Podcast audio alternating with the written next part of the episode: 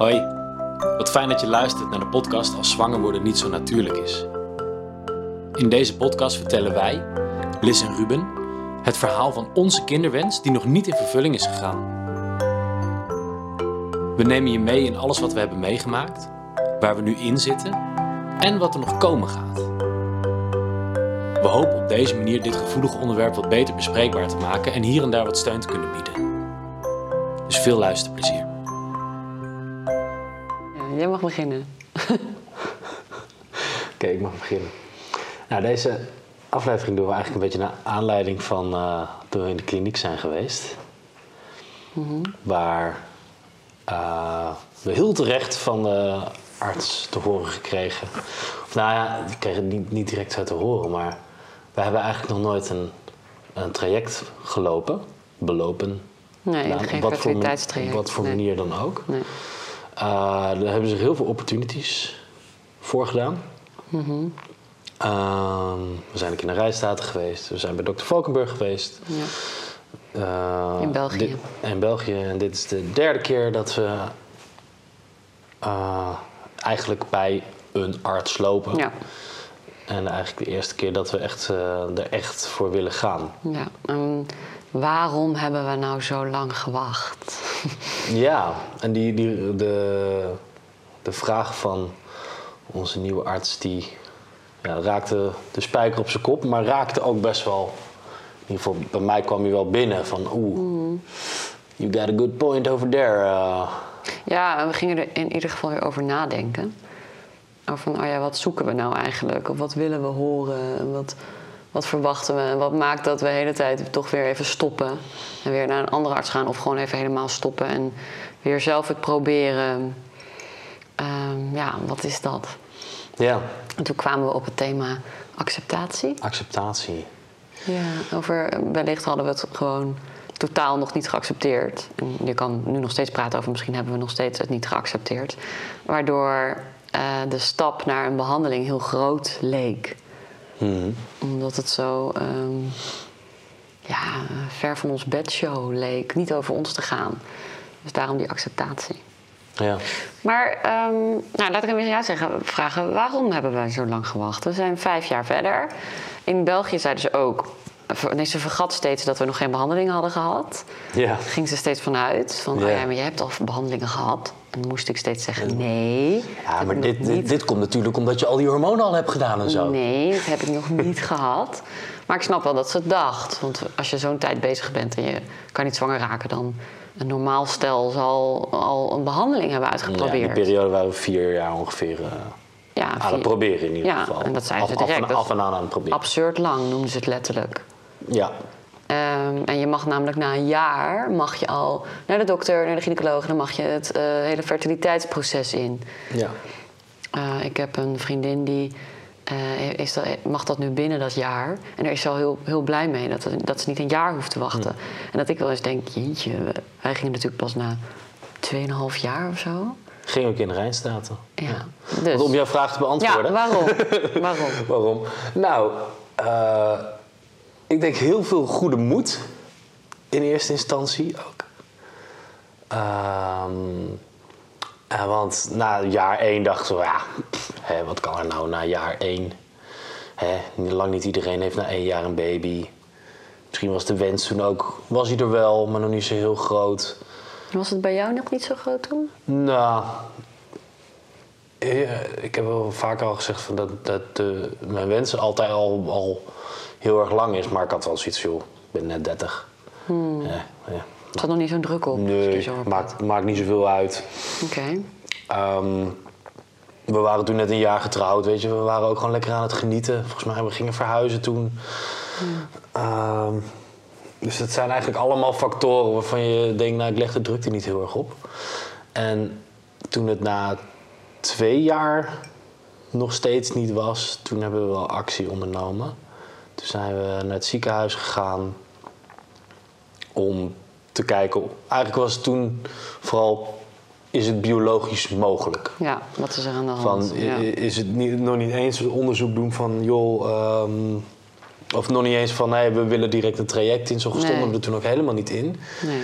Maar joh, als er iets mis is, dan wil ik het graag weten. Eh, en ik had toen heel veel twijfel over mijn, eh, over mijn zaadproductie. Dus dat, eh, ja, dat was eigenlijk toen. Ja.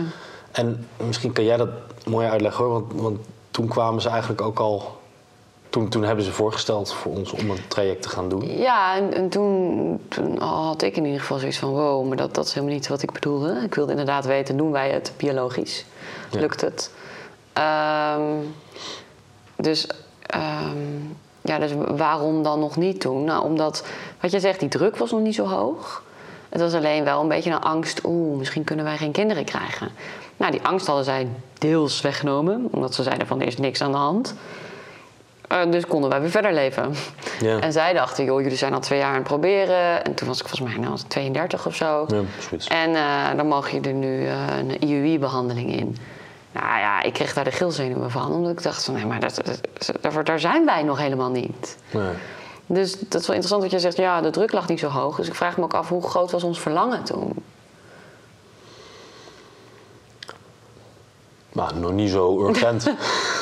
Nee. dat, is, dat is iets wat je dan wel kan stellen. Ehm, en, en nog steeds die goede hoop waar ik het net over Ja. had. En Ja. ik denk dat, dat die goede hoop, als ik iets, iets op de zaak, iets, het, eh, de proces iets mag versnellen, want we kunnen hier wel uitleggen van hey, Nee. de, de reden waarom wij dat niet hebben gedaan om ons uit te moeten leggen. Maar zo voelt deze aflevering ook niet voor mij. Het is meer van hey, wat, is er, wat is er in ons proces gebeurd uh, waarom we het nu eigenlijk pas aan willen of, of misschien wel durven. En een daarvan is uh, denk ik dat echt dat we heel lang goede hoop hebben gehouden. Maar dat die ook een beetje om is geslagen. Uh, dat we ons daar ook een beetje achter verscholen hebben. Wat Naarmate de tijd. Nou, dat we zeker het afgelopen jaar, toen we er eigenlijk wel een beetje achter waren van hé, hey, nou zo natuurlijk gaat het, gaat het echt niet. We konden ons niet meer verschuilen achter of we hebben een verhuizing. Of we hebben een, jaar in een, in een, in een caravan gewoond met z'n tweeën. Mhm. Uh, nou, dat was niet echt het beste uh, moment om een kind te krijgen. Dus Nee.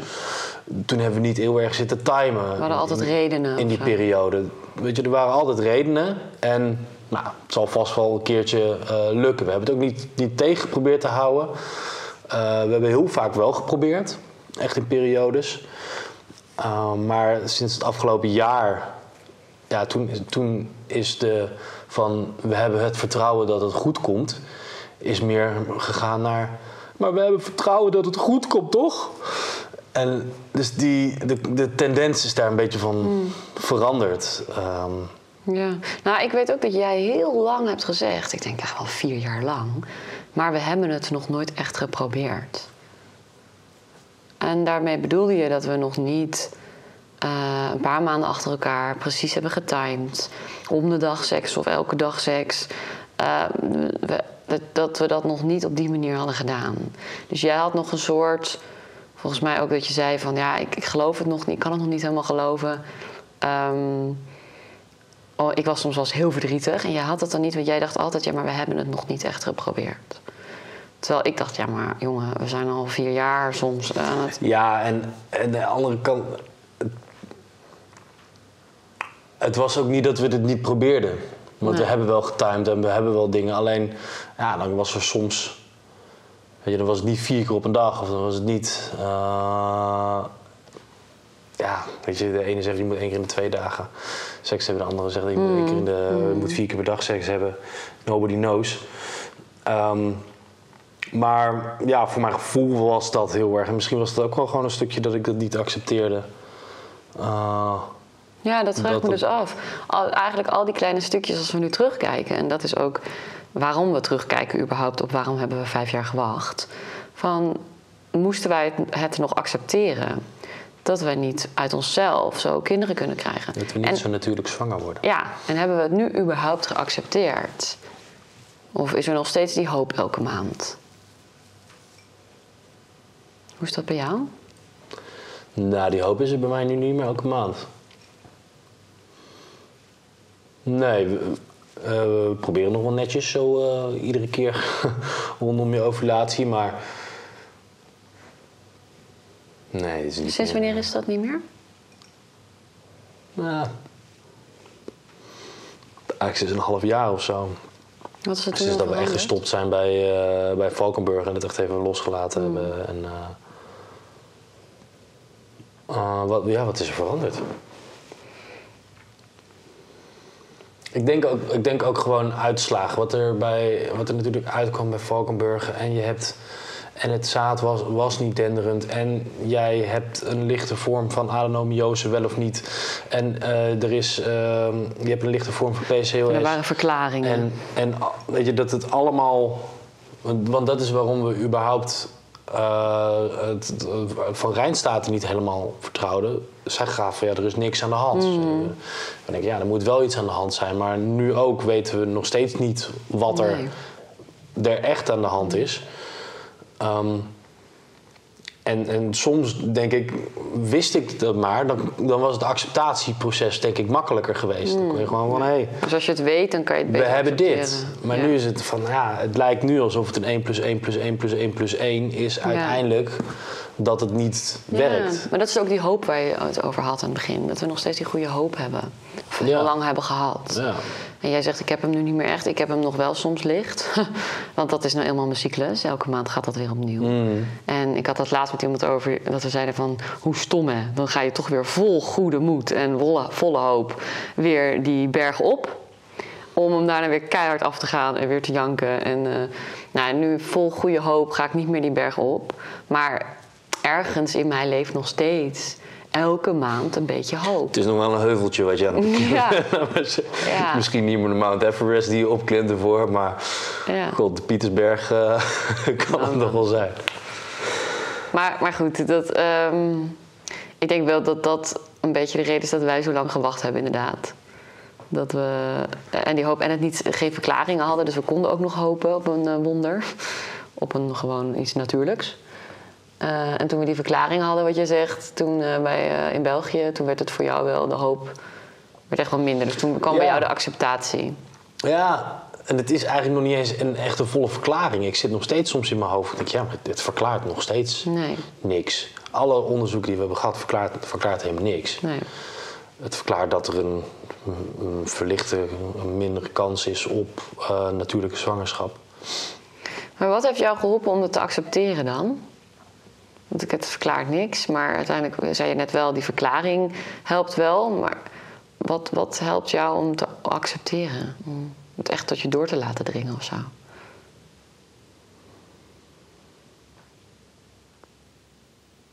Mm, wat echt precies het is, dat, dat het ja, bij, bij mij nu een soort van het, het loslaten dat het, dat het kan gaan gebeuren. Ja, dat, dat is eigenlijk de vorm van acceptatie natuurlijk. Ja, het loslaten. Ja, maar hoe doe je dat dan? Want wat, hoe komt het dat je dat kan gaan doen, dat loslaten? Nou, ja, ik heb, ik heb nu dus gewoon minder hoop op dat het uit onszelf gebeurt. En, en doordat die hoop minder werd, werd het feit dat het. Ja, krijg ik meer zin in, in dat we een traject ingaan, laat maar zeggen. Oh, dat is wel mooi. Dus door het loslaten juist, ja, dat is ook logisch, want dan kan, dan kan je open gaan staan voor een traject. Ja. En dat is ook waarom we zo lang gewacht hebben. Wij konden niet openstaan voor een traject. Waarbij heel veel artsen denken, doe niet zo moeilijk, eh, probeer het gewoon. Maar dat probeer het gewoon, dat was in ieder geval voor mij... eh, echt, eh, ik zie een hele grote poort van staal voor me. Die, eh, ja, error, die, die stond en waarvan ik dacht, ja, Maar het probeer kan het toch gewoon op een natuurlijke manier? Ja, We zijn toch ja. gewoon twee mensen en dat En moet toch dat. werken? Ik heb echt, echt zo lang gedacht dat dat kon. Dus ja, als je het over acceptatie hebt, denk ik dat ik het misschien wel pas afgelopen twee maanden accepteer. Ja. Ja. Het is wel, het is wel grappig toen we deze. Eigenlijk sinds het, sinds het moment dat we zijn begonnen met deze podcast opnemen, heb ik veel meer het idee dat we, dat we het beter hebben los kunnen laten. Dus Ja. eigenlijk is door er gewoon zo over te gaan praten en door dit op deze manier naar buiten te brengen, Ja. dat is voor ons een hele grote stap in ons ja, acceptatieproces dus weet iedereen het en bestaat het geweest. echt. En, Ja. en kom je op feestjes en praat iedereen het in één keer. Is dat het eerste wat ze tegen je zeggen in plaats van dat ze het proberen te vermijden? Je staat bekend als de, die man die geen kinderen kan maken. Ja, precies. Oh, dat is interessant. Hè? Vertel er meer over. nee, maar dat, ja. Ik denk dat dat wel, voor, voor, voor mij heeft dat heel erg bijgedragen. Ja. Ja, om het echt te kunnen verwerken. ja. Ja, en bij mij was het, bij mij was het wel ook. ehm, ik had die tijd ook echt wel nodig. Want ik ben echt woest ook geweest. Hmm. Ik ben echt door een rouwproces gegaan. Als je het hebt over acceptatie. Ik heb, ik heb ook echt het ontkend. Ik heb het echt niet ervaren. Ik heb, ben heel verdrietig geweest. Ik ben ook echt veel heel boos geweest. Zaten we weer in die auto naar België en was ik gewoon zo kwaad. Nee, je bent er depressief om geweest. Ja, en, en dan, Dat zijn net alle rouwfases. ja, dat zijn, is het ook. Dat is niet net, dat is het gewoon. En ik wilde er eerst ook gewoon helemaal niet aan. Ik dacht, rot op, eh, weet je. Ehm, en nu pas, ik voel nu wel een verzachting. Ja. En ik heb nu een soort dat ik wel zelf open kan gaan staan voor hulp. Dat kon ik daarvoor niet, want ik had geen hulp nodig. Ik dacht alleen maar flikker op allemaal. Of eh, ik was zo lamlendig, zo verdrietig dat ik dacht... ik doe het niet, ik, ik doe het meest natuurlijke wat je zou kunnen moeten doen als vrouw. Dat gebeurt bij mij niet. Ja, dat is al nogal wat wat je doorheen moet gaan. En je hebt het überhaupt over acceptatie. Dat, eh, nou, dat, dat, je niet, dat het niet vanzelf gaat. Dat je dus moet erkennen... eh, oh, het duurt langer bij ons. Wij hebben heel lang ook gedacht... ja, dat komt omdat we het niet goed timen... omdat ik burn-out ben. Dus daar, dat accepteerden we eigenlijk ook al helemaal niet. Nee, we hebben echt alle redenen aangegrepen waarvan we dachten, ja, dan zal het daar wel Ja, in plaats van het zijn. werkt bij ons niet. Dat konden wij niet zeggen. Nee. En nu sinds deze podcast inderdaad, denk ik dat we heel veel zeggen. Ehm, en, maar, en als we dan terugkijken, dat we ook door heel veel fases zijn gegaan van wel of niet accepteren. Ja, nou ja, wat je zei, het zijn, eh, het zijn rouwfases waar je doorheen gaat. En soms komen we, komen we weer terug bij fase 2. Van dan gaan we, en dan lijken we het in één keer te accepteren. En dan komt in één keer toch de woede of de, Ja, het komt ook weer terug. Wel in de mindere, depressie weer bovendrijven. wel in whatever. intensiteit de laatste tijd, merk ik. En daarvoor wel heel erg. En ik vraag me dan nu af, stel je voor hè, dat het echt niet lukt. Dat je dat moet gaan accepteren. Dan kom je weer. Ik dacht altijd, dat is het hele heftige acceptatieproces. Want waar wij nu in zitten, kan je zeggen, ja, daar kan je nog wat aan doen. Maar voordat je er wat aan kan gaan willen doen, moet je het eerst een plek geven. Moet je het eerst gaan accepteren. Ja. Dus als ik voor mezelf praat, hè. Maar ik denk wel dat mensen, als ze zo'n traject ingaan met elkaar, dat ze er wel in staan: oké, het lukt ons niet. En dat moeten we erkennen. Ja, anders kan je dat helemaal niet. eh, Nee, wij zijn ook wel allebei best wel koppig en eh, eigenwijs daarin van. praat voor jezelf. Nou, sorry. Sorry. ik ben Ja. net koppig als jij. Eh, En dan gaan we, ja, wij gaan naar de hoogste, de beste arts, want zij gaat ons wel vertellen hoe en wat. We gaan niemand geloven.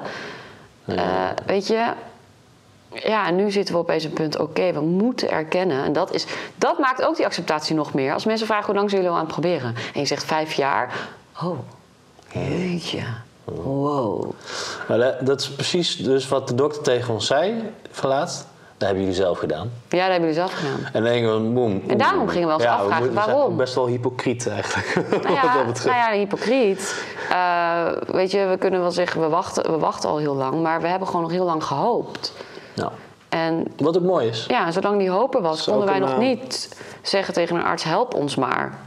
En daarin weten we ook wel dat als we er nu er straks ingaan, dat we met volle overgave, in ieder geval Ja. daar hoop ik, dat we erin kunnen duiken. Ja, In ieder geval in, ons eerste, in het eerste proces. En daar, verder dan dat gaan we niet kijken, maar in, in het eerste traject, ja. dat we er echt even, ja, met open, open armen en het ook kunnen omhelzen dat we, dat we hulp mogen krijgen. Dus de hulp ook mogen ontvangen. Ja. Ja. Nou, dat klinkt best acceptatie eh vol gelukkig. Ja, en dan ben ik nog steeds een beetje benieuwd naar wat nou helpt in die acceptatie. Want het is het uitspreken in deze podcast. Eh, wat, ik weet nog dat wij van in België terugkwamen. En überhaupt het idee dat ik een behandeling moest, dat, dat kon ik heel moeilijk accepteren. Daar kreeg ik heel veel verdriet van. En toen wij die, die documentaire zagen van dat stel, dat die behandeling Ja, ik heb even opgeschreven welke documentaire het is. Ja, zij hebben. Het is Our Miracle Baby eh, van Miriam Amadi. Is op YouTube. Ja, we te zetten zien. de link wel eh, in het Ja. Spotify-bericht. Want stel dat je dat, als je als luisteraar denkt: hé, hey, ik ga zelf iets in qua traject, dan is dat heel Ja, eh, ik zou het echt aanraden om het te kijken. Want het, zij laten zo menselijk en zo eigen zien hoe het voor hun was om in zo'n IVF-traject te gaan. Bij hun was het een IVF, maar überhaupt een fertiliteitstraject. En wat voor een proces je ingaat eh, als je eenmaal eh, die malle molen ook ingaat. Ja. En ik weet nog dat we daar naar keken. En dat deden we direct nadat we een uitslag hadden gehad van dat bij mijn baarmoeder iets was. We waren tering emotioneel. Heel emotioneel. Ik had alleen maar zitten huilen vanaf Antwerpen naar hier naar huis. Ik heb met patat nog gegeten, comfortfood. maar ik weet nog dat we dat meteen gingen kijken en het was zo steunend. Ja. Het was zo, oh, het bestaat en het mag bestaan. En ik ben niet alleen. En je zag hun huilen, je zag hun blij zijn. Eh, je zag ze het hele, hele traject ook lol maken. Nou. We krijgen ook dus voor deze podcast van nou, eh, dat we het ook met humor er benaderen. humor in en dat deden zij ook super mooi. Dus het is echt ja, voor mensen die een traject aangaan en er een beetje onzeker over zijn of wat dan ook, eh, kijk die. Ja, ja. Kijk, kijk die documentaire op YouTube, want het was echt ontzettend leuk om te zien. We hebben echt met huilen, eh, met tranen gelachen Ja, ja. en eh, met een glimlach gehuild. Het was eh, echt alle kanten op. Ja. Nou ja, en ik ben me nog even aan het afvragen nu van waarom helpt dat, helpt dat dan zo in een stukje acceptatie? Weet je, is dat, kan jij dat zeggen? Wat was dat voor jou? Waarom helpt dat als iemand zijn verhaal zo deelt? Waarom ondersteunt jou dat? Ehm, nou, je voelt dat je er niet alleen in staat. Ik denk dat dat een hele belangrijke is. Dat het gewoon ook, dat was een ander stel die je niet kent, die eh, waarbij je de emoties voelt. En wij zaten toen zelf, dus we waren heel emotioneel. Dus wij voelden in één keer van, oh, de emotie die wij nu hebben op de bank, die hebben zij ook gehad. Ja, en dan denk ja. van, hé, hey, het is, het is oké. Ja. Het is oké. Het is niet zozeer dat het volledige acceptatie is, maar het geeft wel comfort. Ja, want een- een- als je dit zo zegt, het is oké, het bestaat. Ja. En dat had ik heel erg met fertiliteitstrajecten. Dat was zo ver van mijn bedshow. Ehm, en dan is het ook als je daar opeens aan moet, dan denk je van nee, maar dat kan toch niet? Want dat is toch niet voor iets voor mij? En het gaat toch niet over mij, dit? En nee. En, en als je dan zo'n docu ziet met zo'n jong stel, denk je, jullie zijn net zoals wij en het overkomt jullie ook. Dan is het opeens, eh, in plaats van dat het een uitzondering is, is het opeens iets gezamenlijks. En dat, dat is ook de hele reden waarom ik deze podcast met jou wil maken. Dat, het, dat je niet die uitzondering bent. Want het leeft, het gebeurt. Ehm, Ja, dat de- merken we ook nu wel aan de reacties die we hierop krijgen natuurlijk. Dat- ja. Maar ja, en dat, dat is dus wel wat mij die acceptatie ook een beetje heeft gegeven. En dingen erover lezen en dingen erover horen. Maar vooral zo'n persoonlijk verhaal daar even in mogen kijken. Ja. En echt denken van, oh, jullie maken dit ook mee. Dat vond ik ook zo mooi aan. ehm, eh, heb ik ook opgeschreven. Eh Battlefield of Dreams door Ja. eh, Floor Houwing ten Katen. Voorstelling die we hebben Eh, de voorstelling die, waar we naar zijn gekeken.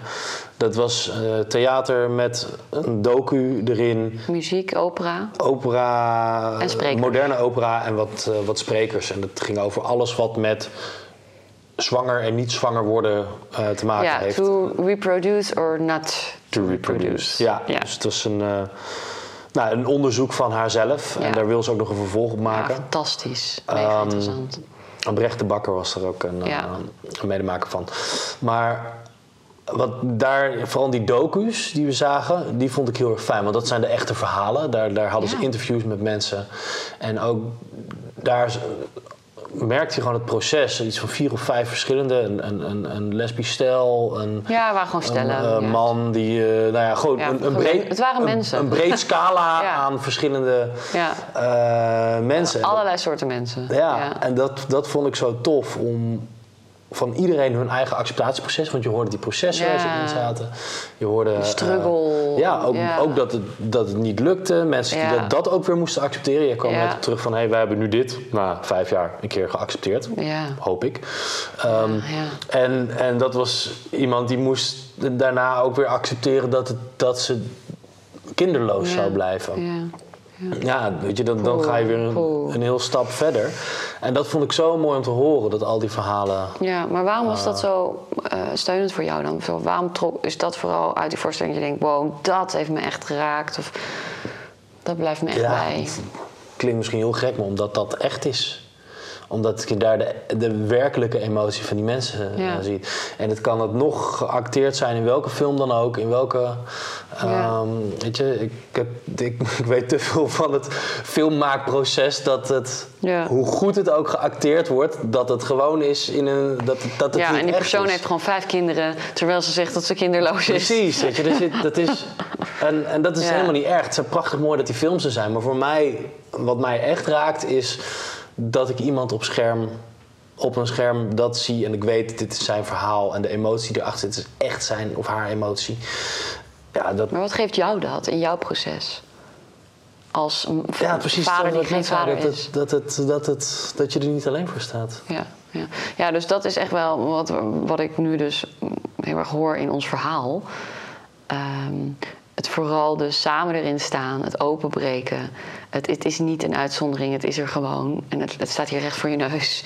En in die voorstelling eh, zo groot geprojecteerd op dat scherm. En je kon dus diep in iemands ogen, in iemands ziel kijken. Ja. En je bent verbonden. Je bent gewoon verbonden. En dat merk ik zelfs in zo'n fertiliteitskliniek. Als je die wachtkamer inloopt. Nee. De eerste keer dat wij dat deden in Rijstaten, dacht ik echt, ik ben hier misplaatst. Ik hoor hier niet. Zag ik zo'n vrouw en een man uit zijn hockey komen. Ik dacht, nee, ik, ik, ik hoef hier niet te zijn. Ik hoor hier niet. Ja. In, in eh, België had ik nog steeds zoiets van... zat zo'n man met zo'n iPad zo te wachten op zijn vrouw... die allemaal hokjes afging. En die toen dacht ik, oh, zij komen hier heel vaak. Dat zie je gewoon aan ze, hoe ze hier zitten. Hij is hier zo'n soort kind in huis die hier zijn werk zit te doen... en zij weet ook precies waar ze moet zijn. En toen dacht ik ook, eh, horen wij hier? En afgelopen keer in het fertiliteitskliniek in Nijgeertgen dacht ik, hé, we zijn samen. Ik had bijna de neiging, zullen we met elkaar gaan kletsen aan die lange tafel daar? Ja. Ja, om te delen. Laten we de microfoon niet neerzetten. Nou, Ja, dat, podcast nou, opnemen. dat is ook heel mooi. Oh, om te delen, hé, hey, wat is jullie verhaal? Ja. Hé, hey, we zijn gelijk. Ja, dat is toch het aard van het beestje als mens zijnde en als dier zijnde, denk ik. Je wil ook samen zijn. Je wil eh, ge- ja, een, een gemeenschappelijke delen daarin hebben. En nu denk ik bijna van, oh, wat fijn dat jullie hier ook zijn. Voor hun natuurlijk helemaal niet fijn. En voor ons ook niet. Maar dat voel ik helemaal niet zo op dat moment. Ik voel vooral, hé, hey, dit bestaat gewoon. Dit is. Ja. En we maken het er het beste ervan. Klinkt alsof we het wel een beetje geaccepteerd hebben ondertussen. Ja, we hebben vijf jaar misschien voor nodig gehad. Maar ja, ieder zijn eigen tijd. Voor rouwen is toch niet een, een, een maximale tijd. eh, nou ja, en heel eerlijk, ik denk ook toen wij begonnen, dat hebben we al eerder gezegd in een andere aflevering. Ik had nog helemaal niet zoiets van, oh, ik wil nu echt heel graag een kind. Dus dan kan je er twee jaar afhalen, zijn we drie jaar bezig. Wat ik nog wel interessant vind, ehm, in Battlefield of Dreams kwam dat naar voren. Eh, een schrijver zei dat heel mooi, dat, dat, die had een miskraam gehad en dat die rouwde om iets wat er nooit was geweest. Ja, en want ja, ja. Hoe kan je nou rouwen om iets wat je inderdaad nooit hebt gehad, is geweest? en wij benoemen net van, hé, hey, dit is een heel rouwproces waar je eigenlijk ook doorheen moet. Het acceptatieproces. ja. Ehm, dus dat is eigenlijk heel erg gek, want eigenlijk doe je rouwen om... Wat je, iets wat je verliest. Ja, Maar wij rouwen om iets wat we verwachten of wat we verlangen en wat niet komt. Dus dat had hij natuurlijk ook met een kindje. Als je een miskraam hebt, je verbindt je er al mee. En je bereidt je voor dat het eraan komt. Dus je maakt er al in je hele systeem en in je, in je liefde maak je er al ruimte voor. En dan komt het niet. Dus dan heb je een leegte. maar hoe zit dat dan? Want wij hebben geen, we zijn nooit zwanger geweest. Hoe Nee. zit dat dan op die manier? Hoe kan je dat op die manier plaatsen? Nou, jij? Hoe mag ik hem aan jou vragen? Nou, ik denk dat, dat het nog steeds in een stuk verwachting zit. In de, in de hoop. De hoop op dat je zwanger wordt.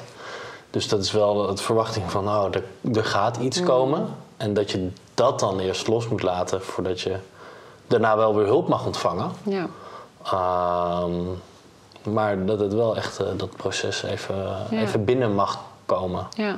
ja, ik denk de hoop op is je rouwt ook om een idee dat je had en dat je los hebt Ja. gelaten.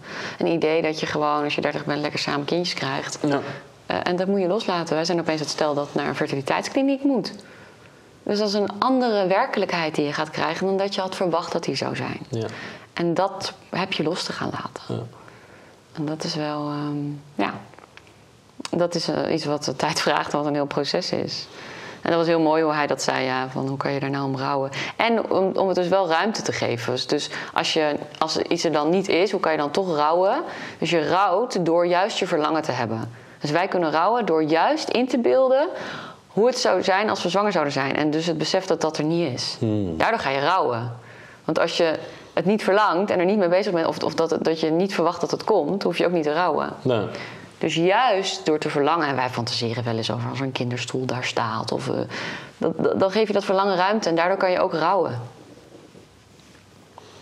Ja, dus door er ruimte voor te maken, mag je rouwen, kan je het sneller accepteren. Ja, dan ga je het accepteren. Dus juist erover hebben en juist ruimte maken. En, eh, en het dus te delen. En dat vind ik wel mooi aan waar wij het de laatste tijd steeds vaker over hebben, als ik daar even de brug naar mag maken. Als je nog meer over het rouwen wil zeggen, Nee, moet ik zeggen hoor. Maar eh, Ehm, ik vond het mooi zo. Ik heb, mij, ik heb een wens om echt met andere mensen in gesprek te gaan. En daar hebben wij het ook met elkaar over. Eh, omdat juist met dat delen en dat, dat het bestaat. En dat je er samen in staat. Dat we, ja, dat we dat nog wat meer willen op gaan zoeken. Door met mensen gewoon te gaan eh, praten over dit thema. Ja. Om Ja. dan het hele proces voor iedereen makkelijker te maken. Ja, in ieder geval voor onszelf. Dat is het belangrijkste. ja. ja. Ja. Nou, mooi. Dus eh, even samenvattend. Wat is de moraal die jij De eruit haalt? moraal, eh, de moraal van het verhaal hier. Eh, nou, dat, dat, dat je een soort van, om, de, om te accepteren, een soort van rouwproces moet aangaan. Eh, dat je daar je eigen tijd en ruimte voor nodig eh, moet hebben. Er ook samen op een hele eigen manier in, eh, in kan staan. Dat hebben we in onze vorige aflevering eh, hebben we het er heel erg over gehad. En ehm, dat dan uiteindelijk wel de ruimte ontstaat. En dat wij het heel erg nodig hebben om ons verhaal te kunnen delen en om andermans verhalen te kunnen horen. Ja. Dat dat voor ons Ja. heel erg heeft geholpen Ja. In, eh, in dit hele proces. Ja. En iemand anders zal wat anders nodig Ja. hebben. Ja, dus ik denk nog steeds dat ik een keer in die fertiliteitskliniek lekker chocolaatjes meeneem en aan die lange tafel met z'n allen ga zitten. En wat heb jij vandaag Eigenlijk ben je een soort community. Ja. Je, eigenlijk verbindt dit ook enorm en kan je ook denken: wauw, dit is ook heel mooi dat ik jou hierin mag ontmoeten. Tuurlijk wil je er eigenlijk niet zijn, maar het is, ja, je wordt er ook wel warm ook. van. We willen hier allemaal niet zijn, Nee. toch zijn we hier. Laat het maar gezellig maken. ja, nou ja, ja, mooi. Ja. Nou, top. Dankjewel. Jij ook. Bedankt voor het luisteren naar de podcast Als zwanger worden niet zo natuurlijk is. Vond je dit een fijne podcast en heb je zoiets van: ik wil mijn verhaal ook kwijt? Of wil je gewoon een reactie geven? Ga dan naar onze website zwangerwordennietzonatuurlijk.nl of volg ons op Instagram of Facebook @zwangerwordennietzonatuurlijk. In de volgende aflevering gaan we onderzoeken waarom het zo belangrijk is voor ons om een kind te krijgen. En is dit eigenlijk wel belangrijk? Tot dan.